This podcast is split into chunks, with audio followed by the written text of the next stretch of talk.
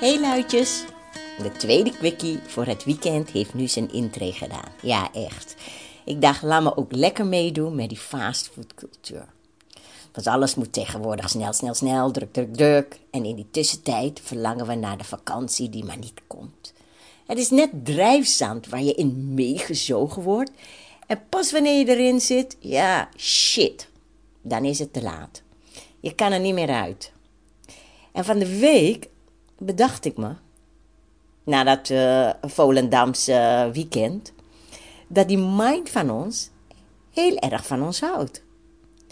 Het ons eigenlijk beschermt voor de dingen waar we bang voor zijn, niet durven te doen of niet durven te zeggen, uit te spreken. Dus wat heb ik nu gedaan?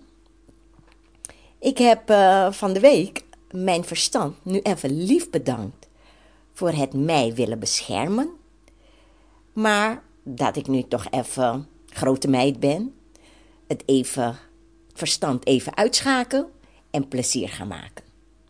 Dus ben ik deze week hier en daar gegaan waar mijn hart me naartoe leidde.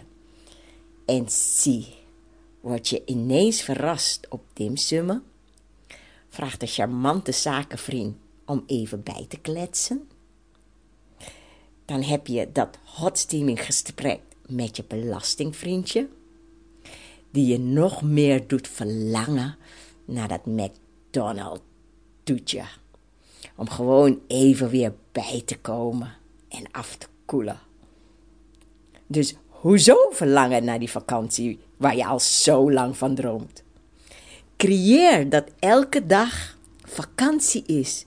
Geniet en leef je leven nu. En je zal zien dat het drijfzand om je heen vanzelf oplost en je heel veel smileys terugkrijgt. Dit weekend wordt het voor mij een sensuele Thaise verwenweekend.